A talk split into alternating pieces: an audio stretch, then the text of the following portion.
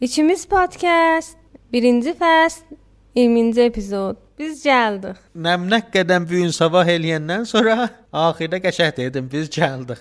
Demək olar ki, 2 həftədir biz təslim tutmuşuq. Zəbt eləyək, hey bu gün sabah, bu gün sabah yaddan çıxır, qalır gecəyə yubanırıq. Bayram qabağı da ki, bizim məmulun işlərimiz çox olar. Əvəzinə də fərvərdin ayı da bekarçılıqdan bilmək nə edəyək də. Fərvərdin ayı fikrim həftədə bir daha çıxardıq. İndidən özür deyirsən, intizarata pasan üstə. Sonra da görəcəklər bizdən yenə xəbər yoxdur. Getmişik, gəlməmişik. Yoxdur, biz o tənbəlliyə adət elədik. Çətinə adət eləyənə candır. Ondan sonra gördük, hə, bir aydan da olay çıxardıq. Bir ay yağımdan da Elə bu cür qabağa gedir. Sözün düzü biz istədik o canlı yayında kitaba görə də danışmışdıq, romana görə. Onu da işləyək ki, yenə də bayram qabağı olduğuna görə olmadı, işləyənmədik. Ki onda 21 qismət çıxardı bayramacan. İndi bayramacan da 20 qismət çıxarda bildik. Olsun bir də ayaqçı var ki, rond ədəddə qutardıq da. İndi nə edək? Bu rond olmağına söyünək yəni. İnşallah ki, elə bu da deyək ki, mən vaxt eləyib işləyə biləcəm, bayramacan çıxsın. Çünki bayramacan işləyənməsəx, bir həftə də müsafirətdik. Demək olar ki, qalay Suriyə. Tamam səhm eləyəcəm inşallah bayramdan qabaq bu şumara çıxsın. İndi də ilin son çərşənbəsidir. Axşam biz oturmuşuq, podkastı zəbt eləyirik.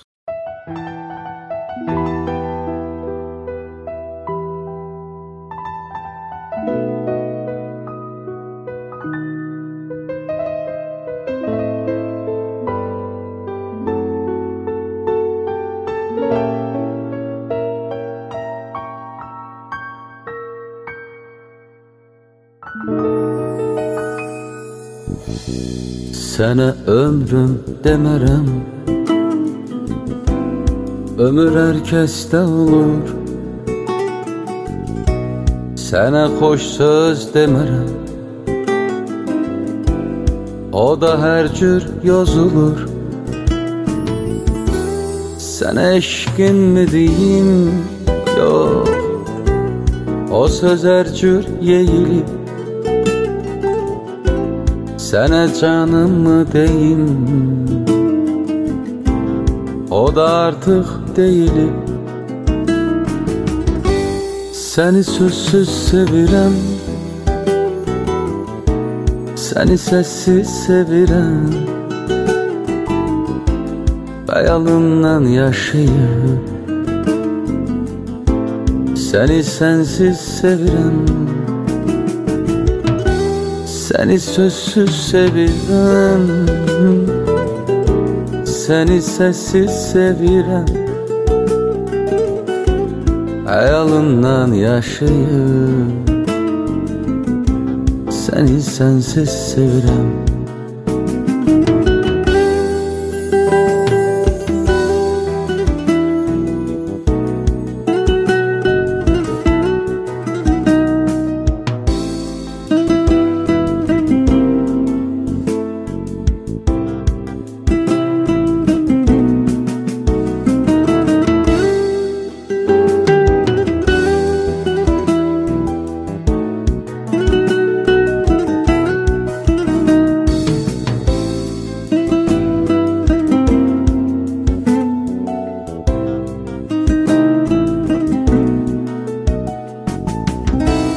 Səni sevmək nə gözəl Səni duymaq nə çətin Sənə yetmək nə asan. Sənin olmaq nə çətin Sənə eşqimmi deyim Yox O söz hər cür yeyilir Sənə canımı deyim O da artıq deyilib Səni sözsüz sevirəm Səni səssiz sevirəm Xəyalından yaşayıb Səni sənsiz sevirəm Səni sözsüz sevirəm Səni səssiz sevirəm Xəyalından yaşayıb Səni sensiz sevirəm Xəyalından yaşayıb Səni sensiz sevirəm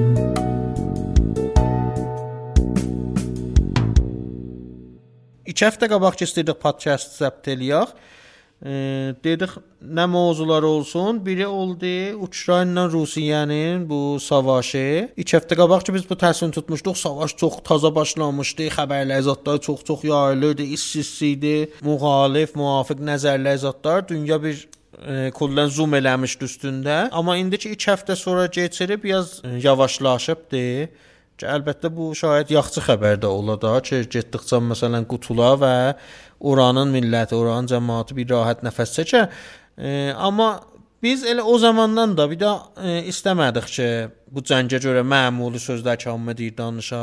İstədik bir fərqli baxışla baxaq qəziyyəyə. O da dil baxımı ilə, dil baxışı ilə. Bu bais oldu ki, Yubanza da hətta indi şayət siz bu qulasanda bu savaş qutulubdu, bir sülhə çəkilibdi, ya indi bir tərəf şikəst yeyibdi, ya indi ehtimalı vardı, məsələn, bir təvafuqlar olub və da Rusiya dal oturubdu ki, bu ehtimal çoxdur. Amma yenə də bunu hər zaman qulaq assaz mən fikir eləyirəm bir dana fərqli bir baxış və tarix məsrəfi olmayan bir baxış olacaqdı və həttəmən ləzzət aparacaqsınız. 2-3 həftə bundan qabaq biləmizə desəydilər ki, Avropada qərardır cəng düşsün. Ukrayna ilə Rusiya savaşsınlar. e, Mən inanmazdım, sizi bilmirəm. E, adət eləmişik cənglərin hamısı ya Orta Doğuda, Xavərmiyanədə olsun, ya Afrikada zətdə olsun, e, Avropanın özündən intizarımız yox idi. Bəlkə də deyirlər Putinin e, bir cür o dəliliyi vardı, bir sözündən dalığı etməməyi vardı. Hey təhdid elədi. Həmlə eləyəcək, həmlə eləyəcək, axırda da işin gördü. Amma Rusiyadan çox bu Ukraynada ki, danışılır. e, Nə cür dayandı, nə cür e, Rusiyanın qabağında dalı oturmadı da. Başda da rəis cümhurları, ondan sonra da milləti 20 gündə, təqribən 20 gündə e, Rusiyanın qabağında dayanıblar, dalı oturmayıblar. Düzdür ki, deyirlər ki, fəqət difə eləyirlər özlərindən. Buradan e, hesab e, eləyəməyiblər Rusiya şikəst versinlər, dalı otursunlar. Bəli, elə o dayanmaq da çox önəmlidir. İstəsəm Ukraynanın özündən bizətlər deyəm, əsli bəhsimizi başlamamışdan. Ukrayna 45 milyon cəmiyyəti vardı ki, e, orada Ukraynalılar, həm də ki ruslar, yəni iki dildə insanlar yaşayırlar. Türklər də var da, o Krimə cəzirəsi ya elə yayılıblar da, Türk də az deyil. Düzdür, o, o Krimədə də türklər vardı ki, onlar da e, bilirsən ki, elə Rusiyanın təvəssütü ilə ayrılıblar özləri. Amma Ukraynanın içində də yayılıblar. Elə çox məntəqələrində vardılar. Zindəcanlıq eləyirlər. Düzdür. Ondan sonra istəsən bir Ukraynanın özünə can bir kulli mətləblər biləcə deyəm. Budur ki, Ukrayn 1441-dən ta 1444-ə can Almanın həmləsinin qabağında e, dayanamayıb işğal olubdu. Yəni Alman almışdı Ukraynayı. E, o illər keçəndən sonra 1989-cu ildə Çernobildə böyük partlayış üz verib ki, hamımız bundan da xəbərimiz var. Ukrayna dillərə düşübdü. O zamanlar e, çox danışılıbdı o Çernobil qəziyyəsi. Sonra 1991 ilində Ukrayna istiqlal alıbdı. E, yəni Şuravdan ayrılıbdı, özü məmləkət olubdu. Ondan sonra da demək olar 2014-də və 2022-də İki dənə böyük inqilab görüb. E, 2014-dəki inqilabları bais olub ki, Kremlinin tərəfdarları hökumətdən dalıya oturub, Qərbin tərəfdarları ya bilmirəm Amerikanın tərəfdarları yox iş üstə gəlsinlər. O zamandan bəri də ruslar bunlarla tərsə düşüblər. 2022-də də düzdür inqilab demək olmaz, amma bu savaş bais olacaq ki, bu millətin arasında bir inqilab yaransın. Böyük bir təhəvvüllər əgər Ukrayna bu cür e, dayansa və eləyə bilsə Rusiyanın qabağında bu cür qabağa getsin, ehtimalı vardı ki, Ukrayna ayəndədə böyük təhəvvüllər e, yarada, həm də elə öz millətinin içində bir böyük ittihad yarana. Ona görə elə bunu da bir cür inqilab saya bilirik. Özürdür. Biz şey kullən savaşına müxalifik, amma da difa bizzatdır ki, məşrudur da. Elə fərq eləməz torpaqdan difə eləmək ya hər nə şey, ala difa adın qoyaq. Ya bir daha məsələn mühacimin qabağında dayanmaq biləxərə ərzişlidir. Burada da ona görə elə təbiətən Ukraynanın tərəfini tuta bildik də, ayrı bir tərəf tutanmarıq. Biz bu baxışçı deyirik, fərqli baxış baxacağıq. Məsələn, neçə baxışlardan buna baxıblar. Məsələn, nizami baxışdan baxıblar, tarixi baxışdan baxıblar, millətçilik baxışından baxıblar ki, məsələn, Ukrayna milləti vaqəən millətdir, dəyəri, bu cür bir baxışlardan baxıblar ki, Instagramda, saytlarda, müxtəlif yerlərdə, YouTube-da elə görəcəksiniz bu cür bir videolar, sound fayllar, yazılar. Biz də bu da gəldik dil baxışından baxırıq. Yəni Ukrayna dilindən rus dilinin baxışından və bu ki bu dillərin başına nə gəlib və bu təfavütlər nə mənə yaradıb, nə ittifaqlar düşübdür. E, hala dildən də qabaq özü ki bilirsiniz, Stalin zamanı bir böyük zülm olub da Ukrayna bir qəsd üzü ilə, yəni əmdən orada bir qəhətlik yaranılıbdır. Bu dəlilə görə ki, orada çox adamlar ölsün və e, böyük bir zərbə dəysin ki, Stalinin dəsturu ilə də ki, gör nə qədər məsələn nifrət ya hər nə mənə deyək hala var idi ki, hazır olublar neçə milyon nəfər orada ölsün o zaman. Bu cür bir ittifaqlar düşübdü. Bunlar ixtilaf yaradıb da iki millətin arasında. Bir daha da dil ixtilafı vardı. Necə ki, məsələn bizim İranda da bu cür bir ixtilaflar var da ki, e, dilə görə bəzi ixtilaflar yaranıbdı. Çə Pəhləvi zamanı çə sonra idamə tapıbdı. Orada da Stalin zamanından bu cür bir zətlər yaranıbdı. Hətta ondan qabaqdan şahid olaq. Biz də bu baxışdan istiq baxaq. Gətirmişik bizim mənbəmiz də bu sözlərə bir də nümayişnamədir. Mikola Kuliş yazıb bu nümayişnaməni, bir də Ukrayni yazardı. Bu nümayişnamənin əsl adı Mina Mazaylodur ki, İranda da tərcümə olubdu və Farsıya tərcümə olan kitabda adın e, tərcümə eləyiblər familiyə bi ləhcə adını. Ləhcəsiz şöhrət ya sicillə. Ki Burada tapa bilsəniz fikrim vardı bazarda da. Tapsaz, alsaz, oxsaz ehtimalən çox şeylə əlinizə gələr və çox xoşunuz gələr. Bir də tarixi məsələn dediyinə baxa bilərsiniz bu nümayişnamə. Çünki biləxərə bu nümayişnamələr o zaman ittifaq düşüb ittifaqın üzü ilə bu nevisəndə bir daha tənz və intiqadi bir acı tənz nümayişnamə yazıb da. Yəni elə bu nümayişnamədə deyilənlər təqribən o zamanın sözləridir da. Bu nümayişnamə nevisin dilindən deyilibdir. Mikola Kuliş nümayişnamənin yazarı 1892 ildə dünyaya gəlibdi. 15 dənə cəmən nümayişnamə yazıb ki, Ukraynanın demək olar məşhur nümayişnamə nevislərin bir kitabı biridir da. Dedik da bu kitabda tərcümə olub. Familiya bir ləhcə adında İntişarat Hermes tərcümə eləyibdi. Aptin Qolkar tərcümə eləyibdi. İntişarat Hermes müntəşir eləyibdi 1394-də. Necə ki, keçən podkastlarda dedik, Stalinin bir dana böyük zülmlərindən biri bu idi ki, hünərməndiləri, yazarlar ki, onun əleyhinə ya o deyən sözlər yazmırdılar, ya o müxalifə bizatda yazırdılar, hamısını öldürürdülər də. Ayrı bir halət yox idi və çox müşabeh rəvişlərlə Nikar müşfiqi dedik də edam oldu və cəsədini də suya atdılar, dənizə atdılar. Xəzər dənizinə ki, da cəsəd diş tapılmasın. Mütəəssifanə Stalin elə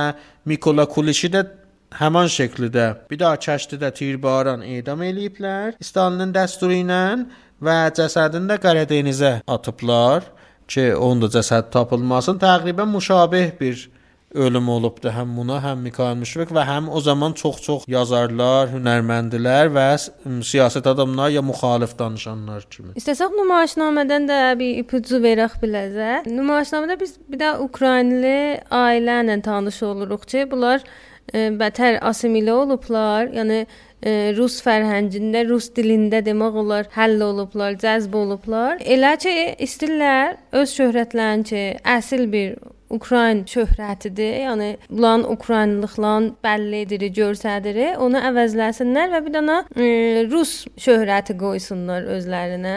Bu amma bu ailədə bir nəfər dirənir bu işə. O, o da ailənin oğludur. Moki. Mən də Moki adında. Demək olar ailənin hamısının, ananın, atanın, bacının qabağında tək başına dayanıbdı. İstəmir ki, şöhrətdə əvəz olsun. Hey danışıqla, e, deyirlər misallarla istəyir ki, göstərsin ki, şöhrətdə nə qədər e, Ukraynada gözəl və anlamlı şöhrətdir. Amma ailə elə bunun qabağında dayanıbdı. Onlar da öz işlərini görürlər. Amma bu bir də simgədir də. Bu bir dənə misaldır. Bu şöhrət əvəzləmək. Nə qədər Ukraynalılar rusların o fərhəngində deyirlər cəzb olublar bayaq dedim özlərini itiriblər, öz fərhənglərindən xəbərləri yoxdur, tarixlərindən, dillərindən. Bu da bir daha bənzərlik göstərir də, özləri biz də elə bu cür bizatlar yaşayırıq. Düzdür da bir utanırlar şöhrətlərindən. Fikir eləyirəm şöhrətləri mazaylodur ki, istəyirlər eləsinə təbliğ eləsinə Mazalova ya da Mazeninə ki, buna da təlaş eləyirlər. Məsələn, deyirlər dərxəst verirlər ruznamələr, ruznamədə deyirlər səbt əhval idarəsi bu iş görsünlər. Özlərinə görə də nədən nə vardı? Məsələn, utanırlar əvvəlan. Xanavadənin də dəsi deyir ki, mən mədrəsə zamanı məsxərə elədilər bu şöhrətlə. İstəsək bura ilə bir məsələn bağlaşdıraq. Məsələn, birinin şöhrəti qərə gözlüdür. Məsxərə eləyirlər də biləsən. Burada da vardı. Görsən məsələn deyirlər qərə quzlu, ki quz ayrı məna verir. Və bu cür bu cür məsxərə halətdə məsxərə bərxurd deyirlər. O tərəfdən də deyir məsələn heç qız məndən tanış olmuş şöhrətimə görə. Hətta e, Gülməlli buradakı nənə deyir ki, düzün deməmiş şöhrətin. Düzün desəydiş mən də izdivac eləməzdim biləsinə. Mən deyim ben Mazalovdur şöhrəti. Sonra gördüm məsələn e, Mazaylodur. Ondan sonra məsələn işsat verəndə məsələn bu şöhrətə baxırlar. O zamanı siyasətdə də e, çox yuxarı bir işlər vermirlər idarə edə biləsinə. Məsxərə ilə bu cür halətlər var ki, təslim tutublar dəyişsinlər və əlbəttə sən deyən kimi asimilə olmağa görə iftixar deyirlər o dəyişməyə ya şöhrətin rus olmağa.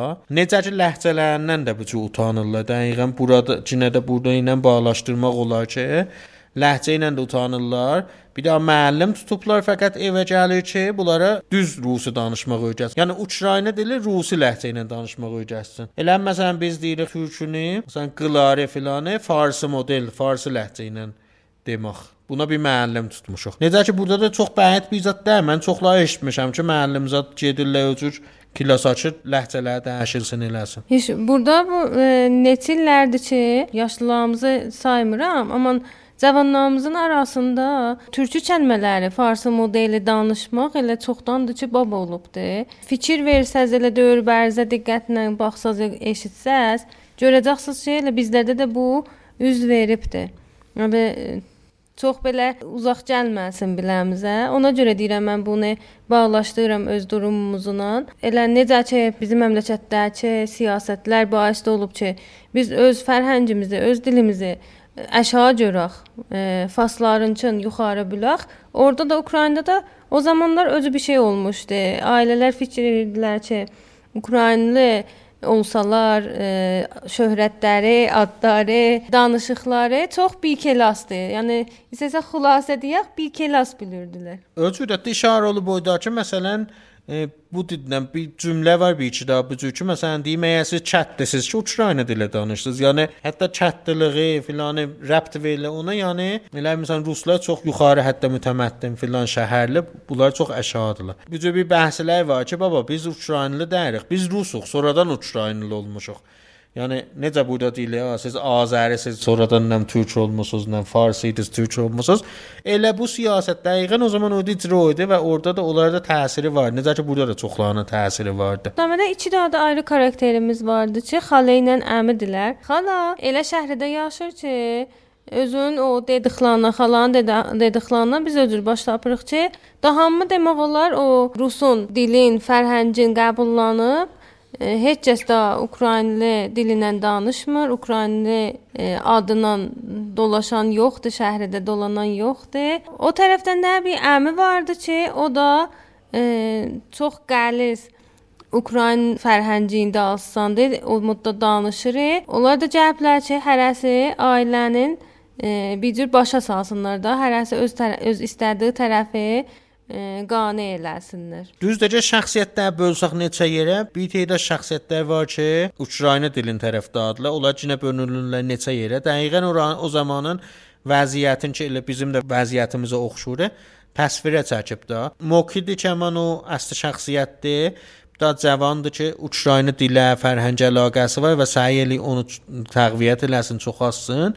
E, ki bunun yanında bir daha da həmin əmək sən deyirsən Əmutaras. O deyir ki, bu çox mütəəssif və qədimi Ukraynalıdır və e, bətər o qədimi kəlmələrə təəssüb var və bətər müqavimət eləyir təzə kəlmələrin zancülənməsində. Məsələn, digər elə qədimi kəlmələrin deyək. Yəni bir növ cavan nəslindən elə bir qədim nəslin təqabuludur bunların arasında. Bir, bir tədad məsələn qız evin qızıdır, dədədir, nənədir və bir də adı xaladır ki, bunlar Rus tərə Ruslaşma tərəfdarıdırlar. Məsələn, xala terminaldan keçəyi nə mənə dedi ki, gözlərimiz aydın. Siz bu şəhri lap çorlamısınız. Terminaldan düşdüm ya bilmirəm, Qataristanda düşdüm yerə gördüm ki, yazıb ki, Xarkiyevə xoş gəlmisiniz. Bu gözəllikdə şəhrin adı var Xarkov, niyə Xarkiyev yazmısınız? Yəni eləməsəm indi bizi nəncinə bağlaşdırsaq, yazıblar Tufarqana xoş gəlmisiniz. Bir nəfər gəldi Azər şəhri olan yerdə niyə gəlib Tufarqan yazmısınız məsələn burada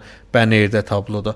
Bu cür bir e, halət var orada. Bunların da yanında bir tane şəxsiyyətlər də var ki, bir daha qızdır ki, e, evin qızının dostudur ki, istəyir bu qızı tövmə eləsin, bir o aşiq eləsin qardaşına və qardaşı bu qıza görə gəlsin. Ukrayna dilini qoysun kənara, o şöhrəti dəyişilmə qəbul eləsin ki, əlbəttə görürük axirdə ki, bərəks olur. Yəni oğlandır ki, bu qıza təsir qoyur. Bu şəxsiyyətlər hala deyəm də nümunəsini tapmaq olar. Yəni mən bu cür deyim, bax beləcə xülasə. Bu nümayişnaməni İndi burada yazsan əvvəldən, icra eləsən əvvəldən, farsı dilindən, türkçə dili, Ukrayna ilə rusi dilin yerlərinə qoysan elə çox fərq eləməz, özü dəri. Təqribən elə həmin məni və həmin məfhumu verər və heç məntiq nəzərinə mordar yemərik. Yəni icraya gedə bilər. Özürdə. Demək olar ki, bir cür çatışmadır da. Ukraynalılar nə qədər öz dillərinə öz fərhənglərinə sahib çıxacaqlar, bunu saxlayacaqlar. Nə qədər e, assimilə olub rusların fərhəngində həll olub gedəcəklər. İndiki vəziyyəti də biz görəndə görürük ki, Ukraynalılar eləyə biliblər öz dillərini saxlasınlar. Bəlkə də elə bu yazıların təsiri olubdu. Biz Elə bu düzdür bu yazar yazıq ölümə gedibdi. Yox da təsir olmasaydı ki, öldürməzdilər. Həttəmən təsiri vardı ki, öldürüblər biləsində. Öldürdü. Nə qədər e, o düşüncəli insanların e, onlar ki gələcəyi görürlər. Onların yazıları, paylaşdığı düşüncələr nə qədər mühümdür, nə qədər önəmlidir. Mən elə bu yazıdan da, bu nümayişnamədən də görürəm ki, biz nümayişnamənin axırında da görürük ki, bir cür o Ukraynanın özündə də ə, ayılma vardı. Elə necə ki, bir tədad ə, insanlar var elə burada da ə, yazıları ilə, düşüncələri ilə bizim dilimizə, fərhəngimizə çalışırlar.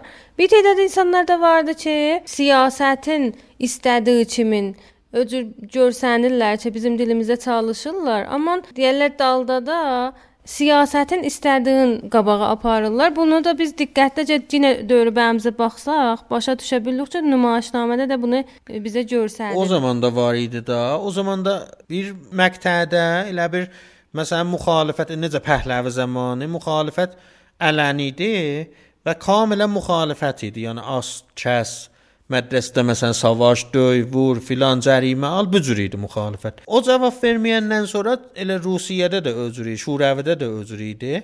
Müxalifət keçir bir məsir dəyişmək üstünə, bir məsir dəyişir. Siyasət üstünə. Ha, siyasət dəyişilir. Bir tədad adamlar ki, o siyasətə vabestədirlər. Bunlar məmur olurlar ki, bu nümayişnamədə 4-5-in nəqşi var da. Bunlar məmur olurlar ki, bir siyasət qaba aparsınlar. Ukraynalaşdırmaq siyasəti özür özləri özü ad qoyublar. Deyirlər yoxdur da, məsələn, siz elə Ukraynalısınız, biz də köməklik eləyəcək, məsələn, Şuravi də köməklik eləyəcəksiniz. Yo, elə öz dilinizə, öz fərhəngizə məsələn gərək müqəyyət olasınız, müvazib olasınız, şey eləyəsiniz. Bəli, bunlar köməklikləri o siyasətin əsasındadır. Yəni ürəkdən dəyəri ya istəməkdən dəyəri. Ona görə o köməkliklərin içində qeyri-müstəqim zərər vururlar. Elə məsələn sən bir dənə yazını qələt öyrədirsən yazmağın. Düzdür, deyirsən mən türkçü yazıram və siz də türkçü yazmağa öyrəşin məndən. Amma o zaman ki qələt öyrədirsən, da o elə məsələn sən o siyasəti ayrı bir model icra eləyirsən də. Elə bir cür Onlar e, məmurdular ki, zahirdə sizə köməklik eləsinlər. Həmin o Ukraynalaşdırma cəryanına e, sizi yaxınlaşdırsınlar. Amma dalda da bunlar sizi yenə də Rusa vabəstə saxlayırlar. Yəni Rusun siyasətləri ilə qabağa gedirlər.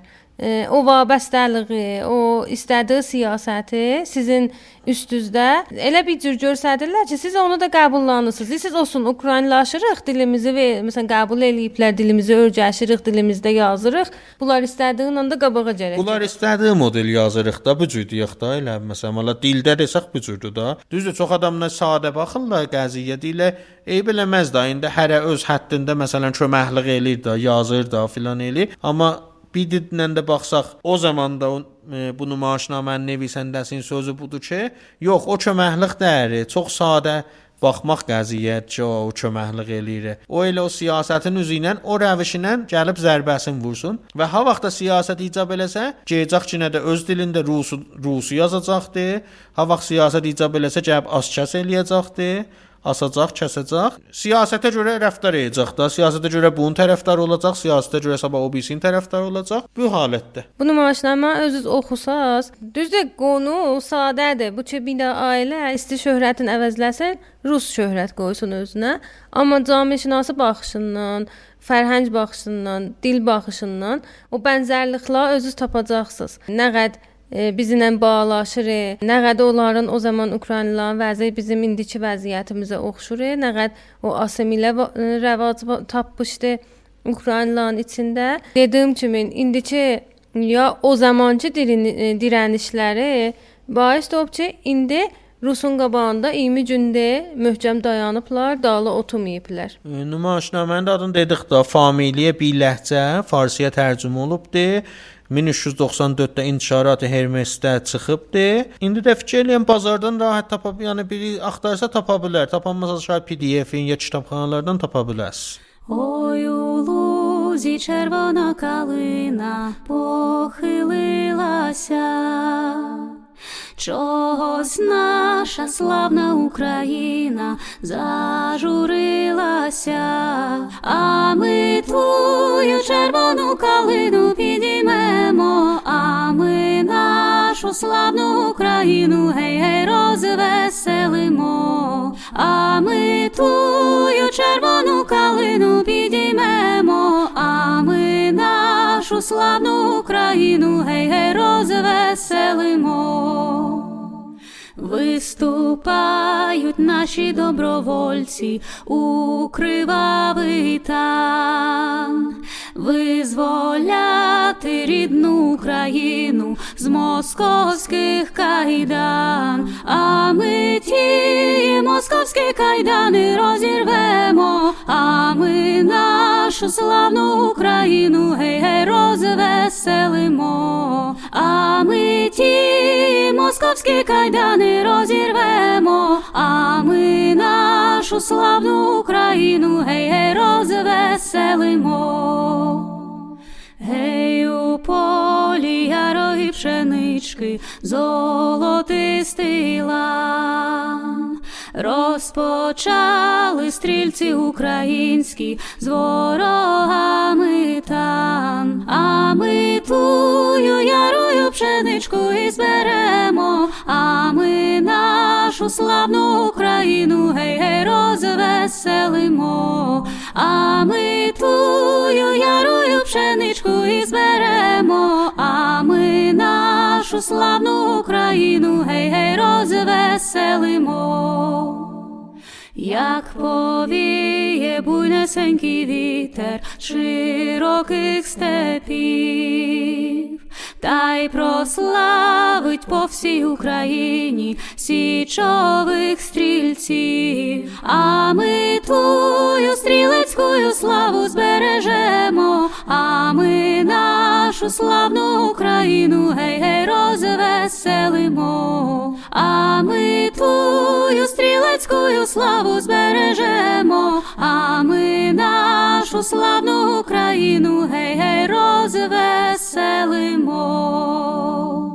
Bu bölümdə istəyirik serial tanıtdıraq biləcə. Çoxdandır da filmdən, serialdan tanıtdırmamışıq. Deməyin ki, bayramda fitcizdə dərik. Bu serial tanıtdırıq ki, oturasınız rahat, dinc-dinc seriala baxasınız. Bu serialın adı 1883-də ehtimalın adını eşitmisiniz, çünki həm taza serialdır, bir həftə 10 gün bundan qabaq qutulubdu əvvəl fəsli. Tazalıqdan sonra da ki, çox məşhur oldu, çox böyük imtiyazlar aldı. Yəni keçdi o məsələn 10 dana tarixdə lap çox baxılan imtiyaz alan serialların listinə.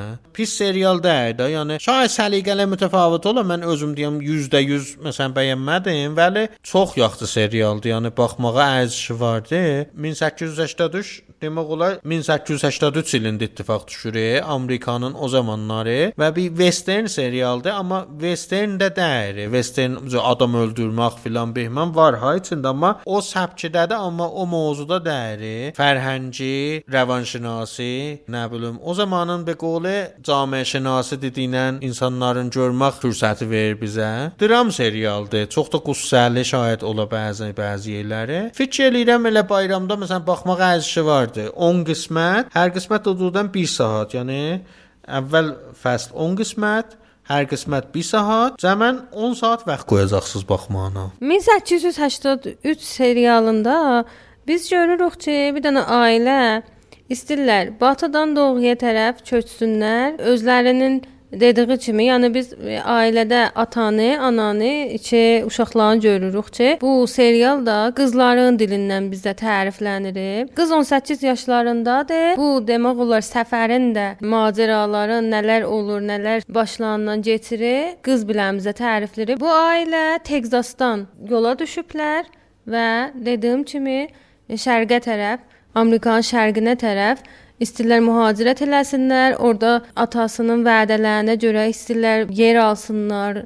Orada damdarı qoşsunlar, çişavərz eləsinlər, özlərinə görə məzrəyə sahib olsunlar. E, bu ümidlə, bu fikirlərlə yola düşürlər, amma bunların kənarında da Alman mühacirləri vardı ki, onlar da elə bunlarla birləşirlər. Birlikdə bu eşidiblər ki, Amerikada bətər azadlıq vardı, bətər e, pul vardı, bətər imkanat vardı və düşüblər yola gəliblər və istilər keçsinə həmin yerlərdə təqribən o imkanata əl tapsınlar. Spoiler eləməyək ha, yəni o Daha fikr edirəm bundan artıq desək də hər zət spoiler olar. bilinər. Amma bu qədər bu səs şey bir daha da yaşlı kələntər yardımçısı deyim də, bilərsən, kələntər yardımçısı vardı ki, Baz nişəstə ərtəşi be qolu Həm də baz şəstə ərtəş baz şəstəsi ki, bir dənə də yanında yenə ayrı dostu vardı ki, o da Amerikano qərələndəndir. Biləsə köməklik elə bu iki dənə yoldaş bu həm ailəyə, həm də o Almandan mühacirlərə köməklik elirlər ki, e, bələd ünvanında bunlar yolların tapsınlar və o getdi istədikləri yerə yetişsinlər. Yəni macəra budur. Serialın payəsi bu cürdür. Bir daha serial var Yellowstone adında. O serial özü qəşəng tutubdu. Yəni 3-4 fəsli var ki, Eləyə bilərsiniz ona da baxasınız. Orada bir xanəvadə var, Dalton adında. Bir daha məzrəədir, nə böyük məzgəllədarlıq ellər filan. Orada olan dastanları görsənir o serialda deyilir. Bu serial o serialın pişdəramədidir. Nə mənə deyirlər? O serialın müqəddəməsidir ki, əsl serialdan sonra cüylənir. Belə bir o seriala baxsaz, biləcəksiniz ki, xanəvadə necə gəliblər, ora yetişiblər. Bu cür deyək ki, bu serial ki biz mərifə eləyirik 1883, o serialın müqəddəməsi və orada olanların böyük dədələrdir elə bir bunlar. Böyük dədəsi və dədələrdir və e, nənələrdir. E, ki onların məsirin biz görürük ki, nə cür çətinliklərlə gəliblər yetişiblər Orada o Yellowstone məzrəsini yola salıblar. Bu da deyim ki, əgər də ona baxmamısıq, biz özümüz ona baxmamışıq o Yellowstone serialına. Heç müşkülü yoxdur. Bu bir daha müstəqil serialdır. Əslən də ona mövzu filan zət rəbti yoxdur. Çox ləzzət apara-apara baxa bilərsiniz buna. Mən deyirəm 10 gün bayramı, hər gün bir qismətinə baxsaz 10 gün gedibdi. 10 günüz qutulubdu. Özdə dalbadal indi 10 qismət gəlib biz baxanda 10 qismət hamısı gəlməmişdi. 7-8 qismət gəlmişdi. O bir yüksək qismətlərdə cürlürdülər, müntəzir olurduq, gəlirdi, sonradan baxırdıq. Amma indi siz dalbadal hamısına gündə bir qismət baxıb ləzzət apara bilərsiniz. İnşallah ki, ləzzət aparasınız. Dediyimiz kimi, çünki western səbcində dəri, dalısında bir fəlsəfə var. E, məncə də serialın əsl fəlsəfəsi, ya önəmli fəlsəfəsi düzü deyim, e, budur ki, bunlar çatmaqdan istəyirlər, azadlığı, rifahı ələ keçirsinlər və bundan ötür yola düşürlər, səfərlərin başladı adırlar. Amma biz görürük ki, Bunlar hər e, məhsiri qabağa getdikcə bizatlar əldən verirlər. Bu serialın əsl fəlsəfəsi budur ki, insan e, bizada əl tapmaq üçün bir şeylər gərək əldən verə. Bu zindecanlığımızda da elədir. Yaşayışımızın boyu elə bu cür özümüz də görmüşük, başqalarında da bu görmüşük. Bunlar da həm elə maddi ləhazda maddi dəyərlərin yavaş-yavaş bu yolda qoyurlar, həm də elə mənəvi dəyərlərindən getdikcə demək olar əldən verirlər. Sən ki indi bəhsə girdin. Mənim öz nəzərimdə bu serialın mövzusu bunlarla mühacirət filan zət özü da, amma əsl mövzusu əldən verməkdir. Yəni farsça ola az dəst dadan. Bu mövzu çox mühümdür insan zindecanlığında. Bu fəlsəfiyə elə bir girişir ki, biz hədəfimizi ələ gətirməyə ya bizadə ələ gətirməyə, ya bizatda da əldən verək. Heç mümkün deyil ki, biz bu dünyada yaşayırıq, eləyə bilək bizadə ələ gətirək və onun qibalında bizatlar əldən verməyək. Yəni fikrimlə fikir əsasda bu cür bir imkan yoxdur bu dünyada. Hətmən hər zad ələ gətirməyə gərək bəzi şeylər əldən verəsən. Məsələn, eşq özü məsələn şayət məsələn azadlıq əldən versən məsələn. Ya fərz elə sirvətdə məsələn fikrin rahatçılığın filan əldən versən. Çox-çox şeylər əldən versən. Ha, Bunlar məsələn misal vurdum. Burada da bunlar o hədəfə yetişmək ki, o həmin məntəqəyə yetişib və orada özlərinə bir mülk sahibi olub, məsələn, bir işlər görüb və rahasında canlıq eləməyə yavaş-yavaş hər zad əldən verirlər, yəni. Bu cür deyim ki, əzizlərindən tut, ta və vəsaillərinə, pullarına. Yəni hey biz getdikcə görürük ki, bu əldən vermək qutulmur. Yəni bir daha hədəfdən ötür, e, dığladır adamı demək olar da.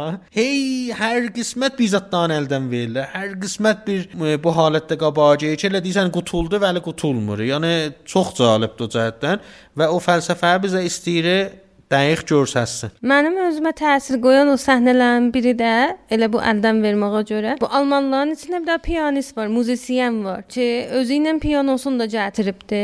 Yəni siz fikirləşin, o zamanın vəziyyətinə görə o pianonu öz yerindən, öz yurdundan gətirib Amerikanın Texas şəhrinə can gətiribdi. Sonra yolda bir yer vardı ki, bunlar cürdür o zaman imkanatı ilə ki daşqı ilə Almandan piano gətirib Amerikaya. İndinin imkanat həvabimə filan vaqəən o piano aparmaq olmaz o. O cürdür. elə mən də o istəyirəm Yəni o qədər sör ona. Çox çətinliklə o pianosunu, o sazın özü ilə gətiribdi. Ancaq bir yerə yetişirlər ki, gərək çaydan keçələr. Gərək o daşqaların, o kaloskələrin yükün azaldalar. Hamı gərək öz ağır vəsailindən qurtula özü deyək. Bu pianist istəmir pianosun ə, orada veriləsin. Mən özümə Ora bir dramatik səhnə idi. Yəni hər zadın əldən verir də. Pianist elə bir o e, muzisyen hər zadın əldən verir ki, o hədəfinə çatsın. Yəni əli boş istəyir o hədəfinə çatsın. O özü də orada deyir, mən muzisyenəm, işim budur, piano çalmaqla pul qazanıram. Pianom olmasa nə edəcəyəm? Nə edirəm məsələn ora yetişdim. Amma e, da fikrim çox spoiler elədik. Amma da o o səhnəsi mənim özümdə çox təsir qoydu. Çox da biləmə maraqlı idi. Fikrim elə bu fəlsəfə bahis olub ki, bu serial 9-2 mütəvəssit imtiyaz alıb da IMDb-də ki, 9-dan üstə seriallar çox-çox azdır və çox-çox yuxarı imtiyaz olur. E. Çünki biləxərə hər zadın bir müxalifi də var, söyməyə də var. Onlar qoyan bir binyanı görsən ki, məsələn 100-də 92-93 bəyəniblər serialı, yəni kamil cəblər də özlərinə vəzifə keçinə imtiyaz versinlər. Mən burada bir daha parantez açım. Əvvəl qismətinə 5 milyon nəfər baxıbdı ki, özü rekord vurubdu. Özürdü. Əvvəl pəxş olanda da sonra getdikcə çoxalıbdı. Əvvəl elə pəxşidə, əvvəl icranda belə baxıblar. Bir daha da bizət deyim, biz niyə nə cür nəticəyə yetişdik baxaq. Məryəm Western serial filmlərdən xoş gəlməz. Mən də bətər xoşum gəlir. Mən o qədimi westernlərdən də, elə hətta məmuli westernlərdən, hətta o bir səbki vardı, spaghetti deyirlər, nə mənə deyirlər, indi yadımdan çıxdı. İtaliyai western zət, onlardan da çox xoşum gəlir. Ki, insan dalısında hissat yoxdur. Düzdür, dallarında hissat yoxdur, amma yenə də baxaram, xoşum gəlir. Mən Məryəmə deyim ki, bu cür bir western serial vardı. İstəyirsən baxaq. Çünki biz məmulən təh baxmarıq hesada. Yəni bir təslimə yetişərik. İki yandan baxaq. Elə vaxt olub ki, Məryəm məsələn 3 ay, 4 ay, 5 ay müntəzir olubdu ta mən də bir fürsət tapam, məsələn bir daha öz söydüyü seriala baxaq. Yəni tək oturub baxmayıb məmulən. Məryəm də deyir ki, bilmirəm, deyirsən baxaq. Sonra mən bir baxdım deyim bu adi westernidir ha, elə bir nigaran olma. Fəlsəfi serialdır, dramdır filandır ki, o da əlaqəmənd oldu baxdıq. Niyə bu seriala baxdığında dastanı bu cür olur?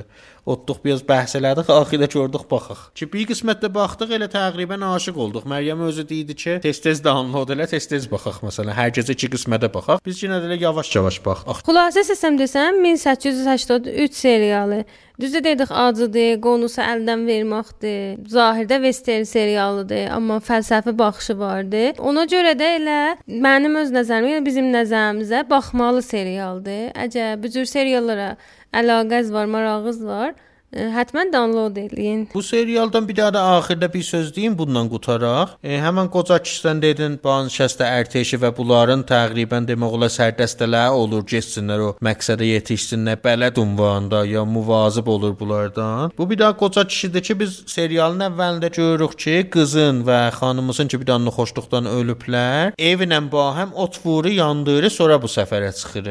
Vəziyyət narahat vəziyyətdə və hətta isti xodkoşluq eləsin, özünü öldürsün, amma peşman olur və bunlarla bu səfərə çıxır. Musafirətin dəlilin hədəfi bunlarla fərq eləyir. Hər an dedik orada bir hədəflər vardı. Bunun hədəfi musafirətdən fərq eləyir bu mühacirətdən. Bir yerdə o hədəfin diri və çox gözəl bir hədəfdir. Və sən deyirsən, "Ha, bəzi şeylər adamın zehnində qalır." Bu da mənim zehnimdə qalıbdı. Deyir ki, deyirsən ölüsən və bir nəfərə aşiqsən ya bir nəfər sənə aşiqdir. Səndən bitkələr o birisi nəfər ki diri qalıbdı, onun bədənində, onun vücudunda qalır. Özü dərtsən kamil aradan gəlsən onun vücudunda. O bitkə ki qalır, o bitkə baisi o ki, o ölən o diri qalanın gözlərindən dünya görə bilsin. Yəni dünyanı elə bir 10 gözlərlə baxır o ölü adam. Yəni indi məsələn fərzə bu öz xanımısın deyir ki, çox aşiq idi xanımısına.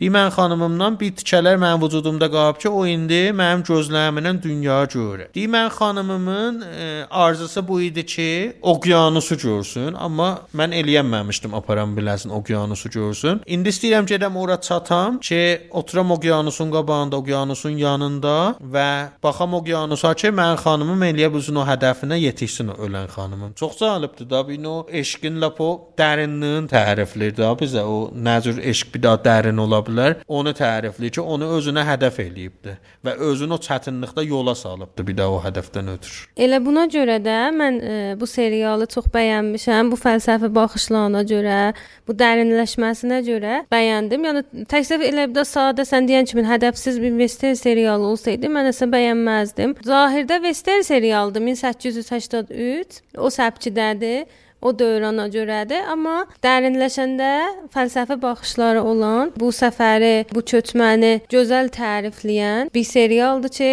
pişnahad edirik bayramda fürsətiniz olsa bəyənsəz, həttəmən download eləyin, baxın. Bir daha da bəxşə qutulmamış, e, bilirəm ki, bizə qulaq asandan çoxu serial sevirlər və bizə də ilə mərifə eləyin. Bu serial sevərlərə deyim ki, bir daha yadınıza gəlsə 7-ci epizodumuzda serial mərifə eləmişdik. Russian Doll adında, rus qolçağı. Mən yadıma gəlir ki, onda da neçə nəfər peyam vermişdi, getdik, baxdıq, çox bəyəndik bunu. Yəni qəşəng serialdır. İnsafın baxmamısınız, həm o 7-ci epizodumuzu download edib qulaq asa bilərsiniz orada, həm də gəlib baxa bilərsiniz. Bir də bir xəbər verin burada şayad xoş xəbər olar ki, biz özümüz də söyündük. Bunun 2-ci fəsli cürlənibdi və təqribən Ordibehişt ayından icran olacaqdı. Yəni özünüzə hazırlayın ki, 2-ci fəsli gəlir bu serialın.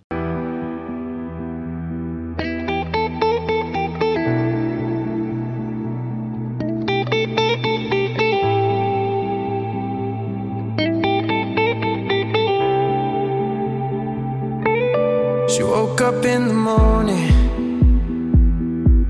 with the sunrise in her eyes. But all that she sees is darkness. And she won't tell you why. No more butterflies, cause they don't ever last. Stolen from the light by demons of the past. It's always raining. She keeps on praying.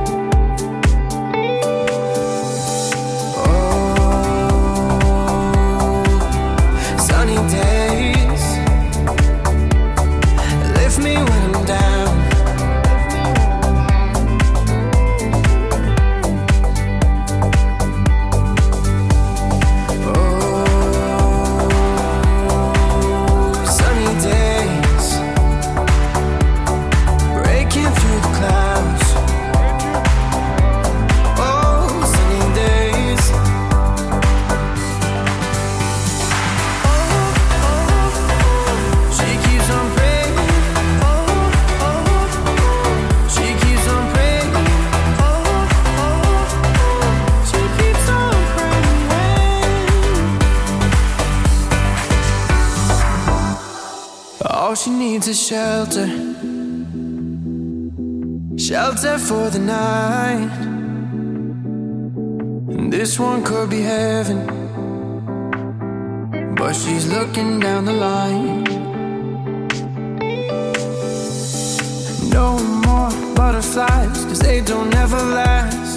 Stolen from the light by demons of the past. It's always raining.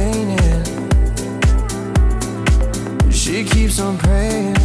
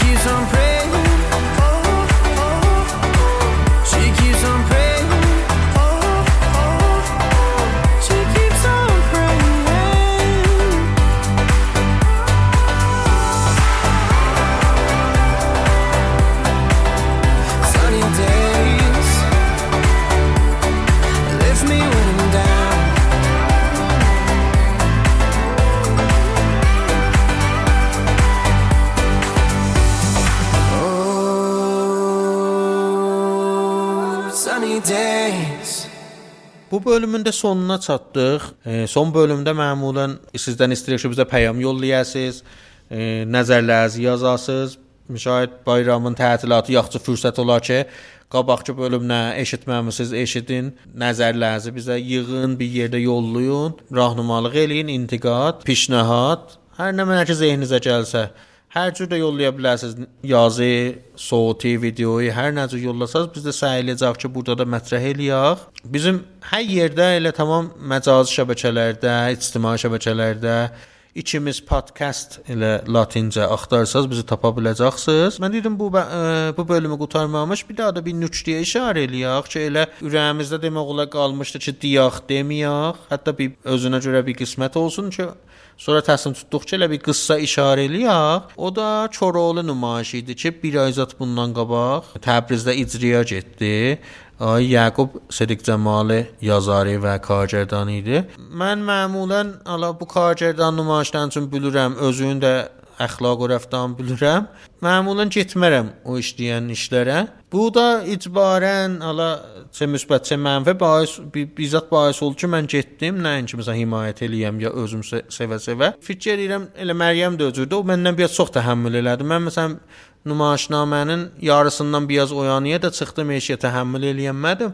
Məryəm də fikrim axirinə bir 1 20 dəqiqə qalan təhəmmül eləyəməmiş çıxmışdı. Mən sonra təəccüb elədim ki, cürə bir beləm teatr ustadları, nə dil ustadları, nə tarix ustadları bəh-bəh çəhçəh eləyirlər filan. Bu nümayişdən cür zəifdir. Bir story qoydum e, bir iki dana bu nümayişə görə baxdım gördüm ki, çoxları gəldilər, mənim sözümü təyid elədilər, reply vurdular ki, düz deyirsən filan behmandır. Mən gördüm ki, bizərdə rudərvasıda hamı qalıb da, demək olar tərif bəhbət çəhçəh eləyir. Ki, fikrim qələt işdir. Hətta bir iki nəfər də əlbəttə də ad aparmıram ki, gəlib məsələn yaman yol həddində məsələn yazmışlar ki, sən belə elə. İstərdim bir ona da bir toxunaq da ki, əslən cəryan nə cürdür bu? Niyə xoşumuz gəlmədi? Nə irad da var idi? Şayad bu demək yaxşı ola məsələn gələcəkdəki nümayişlərə əzadı. Mən öz baxımımdan istəyirəm deyəm. Mən məncə bu nümayişdə, bu tamaşada rəqslər çox gözəl idi. Yəni insafdan uzaqdır o herfeyi rəqs qrupu ki, onlarla işləmişdilər. Onların dəyərli işlərin kənara qoyaq, görməyək. Ondan əlavə xanımların e, səhnədə olmaları e, və bu rəqs qrupu ilə birlikdə tamaşa qabağa aparmaqları çox dəyərlidir, çox ərzişlidir. Mənim öz nəzərimə geyimləri Azərbaycan e, sünnəti geyimlərimiz çox gözəl idi. Zəhmət çəkilmişdi bunların hamısına. E, burdan da həm rəqs qrupunda işləyən, həm o libasları e, tikən, poçt səhnədə deyirlər, nə deyirlər, sən arxada işləyən e, əzizlərdən təşəkkür edirəm öz növbəmdə. Amma Bir dənə amması vardı. Bu tamaşa, yəni Çoroğlu tamaşasına biz gedirik ki, Çoroğludan eşidək, Çoroğlunu tanıyaq. Çoroğlunu cavanlarımızın arasında ya elə fərq eləməz e, uşaqlar, cavanlar, yaşlıların arasında daha tanıyaq, hətta özümüzə e, sərməşq eləyək, ülgü götürək. E, amma e, o Çoroğludan biz də görmədik biz. Biz e, iki dənə gözəl Azərbaycan toyu gördük. Çox gözəl o göstərmişdilər toylarımızı. E, Çoroğludan e, əfsanəsindən nə deyim, e, əsər yox idi. Yəni başlaması, bu cür deyim, başlaması gözəl idi. Sözlərcə aşığın tərifləməsi gözəl idi. Amma e, Çoroğlunu öz ürkü gərək biz tanıyaq, tanıyamadıq. Kədərləndirən, məni narahat eləyən mövzuda e, Keçəlin nəqşidir. Keçəlin cümlələrində xanımlara toxunması, xanımları təhqir eləməsi, xanımdan is istifadə edib məsələn güldürməsi, xanımları bənd olmaqla güldürməsi mənə çox əziyyət elədi. İndi o dünyada yaşamırıq ki, bu cür bir şeylərlə istəyək cəmaatı güldürək, xanımları təhqir eləməklə, e, hamını güldürək ki, məsələn 5 dəqiqə e, o cəmaət ki, orada gəliblər, Koroğlu tamaşasını görsün, görsünlər, e, bir gülüş də gəlsin. Yəni heç lazım deyil güldürək bu nümayişnamə, tənz nümayişnamədə biz gəlmişik Koroğludan eşidək, Koroğlunu tanıyaq. Bu cümlələrin e, Koroğlu tamaşasında yeri gərək olmayaydı. Mən getməmişdə sənə dedim də, mənim intizam vardı bu cür bir ittifaq düşsün. Çün bu kargərdanın biləxərə sabiqəsi müşəxxəsdir də. Yəni bir adam ki məsələn biraz teatr əlaqəsi ola filan münasibəti cüyləyən kargərdandır. Bir təhlə kargərdanlar vardı, ideolojiyaları vardı məsələn.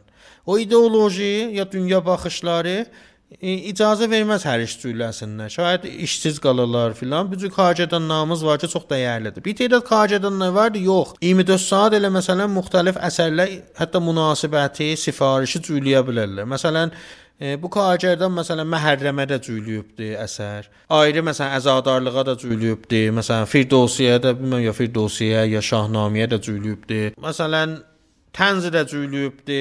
İndi istəyib məsələn bir daha da opera da cüyləsin. Yəni da bu məlumdur da bu məsələn o hətta yazar da ki, gəlsin məsələn bir də opera yazsın. Siz bu müqayisə eləyin o Bakınkına baxmış olsanız, Bakın Koroğlusuna ki, Üzeyir Hacıbəyov yazıb kargərdanlığı da fikrimi öz eləyibdi. Əslən bir yerə bir kəfiyə qoymaq olmaz. İstəmirik daha bir kəfiyə qoya bilək. Mən bilirik olan imkanatları ilə onların o e, biləxərə o təxəssüslərlə bu bir deyil. Amma Bu məsələn gəlib biraz onu əvvəllərdə bir məsələn elə bir 4 yerə bölsək nümayişi bir əvvəl 4-dən birdə təqlid eləyibdi demək olar, rəqslərdə oxumaqlarda. Sonra məsələn yarıyacan təhəmmül eləmək olur. Yarıdan o yana da çönür bir dana məsələn Məmməd Səməd komediyası həddinə. Yəni bir cür deyim, Çoroğlu birdən təbdil olur Məmməd Səmədə ki, biraz rəqsi vardı içində, biraz musiqisi vardı bu cür bir zət. Yəni o sən deyən keçələmizi çərgiyəndə o şuxluqlar ki eləyir. Yəni mən fikir eləyirəm məsələn Məmməd Səmədin həddindən də şadı şayət. Bu cür deyək. E, bu da niyə? Çünki cəmaət saxlasın və mütəəssifanə bizim cəmaət üçün gedib bu herfəyə məsələn opera görməyibdi. Herfəyə nümayişləyə məmulən getmirlər və onlar çox boş qalırlar, elə bilet satanmırlar, darıxarlar da məsələn onlar keçirlər. Üçün onlar darıxmasınlar, salon qaqqıldıya məsələn şey olur. Məsələn yarım saatda hamı salonda qaq-qaq gülür. E, və heç də məzəb olmur ki, mən gəlmişəm Koroğluya baxam, indi daxil əbi məməssəmədə baxıram. Biraz da şahid xoşla gəlir, ləzzət aparlar və min cür ustad ustad çəhçə bəhbəh çəhçə eləyirlər. Hala bu dindən baxaq ki, deyirəm də İradda azadə hala məsələn nəzərdə alsaq, heavy eləyiblər də, yəni büzü zadə. Yəni Koroğlu bu nümayişi təbdil olubdu. Bir tədad rəqsə, bir tədad musiqiyə çox da musiqi nəzərindən çox da hərfəyə işlədi. E, iki də toy görmüşük bolan solan, hərəsi məsələn 1-20 dəqiqə ki, toyların biri də məştibat toyudur. Yəni Mən bilmirəm məştibat nə cür gəlib Koroğluda toy olubdu ki, məştibatın ahəngi ilə məştibat şəklində. Hələ kargedandan danışırsan deyə məsələn istəmişəm məsələn ədai deyin eləyəm filan da rəsmidir bu cür izatlar. Bəli, vaqəən yerində deyildi. E, buradan da fəqət istədim bu deyəm, uzandı bu bəxş. İstəyirik bir iki kəlmə deyək. Vaqəən biz həmin o nümayiş bu bölümün elə nümayişnamə o rus Ukrayna cəryanında dedik ha, bir tədad adamlar vardı, siyasət üzü ilə ya məsələn puldan ötür, ya hər nə mənə gəlir Türkiyə iş görür, ya mən demirəm ha bu Aysədik Cəmalını, kullən bu iş sözü deyirəm.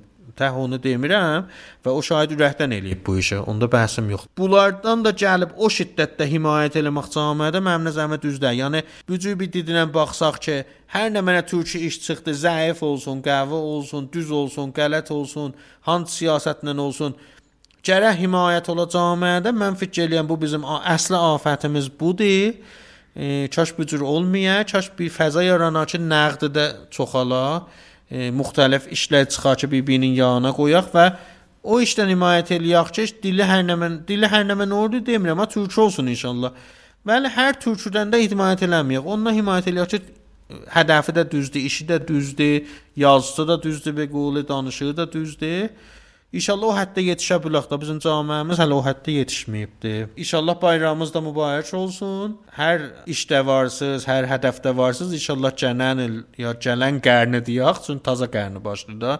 Şəmsi ildə inşallah yetişəsiz hədəflərinizə və işlərinizdə müvəffəq olasınız. Olmaz sən bayramı təbrik deyəsən mən dalı qalam. Hamımızın bayramımız indidən mübarək olsun. Düzdür, siz bunu elə bayramın ehtimalən əvvəl günlərində eşidəcəksiniz. O vaxtda amadə olacaqdır. Gələn günləriniz xoş olsun. Bahçamıza geldi bahar Yaşıl halı serdi bahar Bahçamıza geldi bahar Yaşıl halı serdi bahar Gel dedim gelmedi yar gelmedi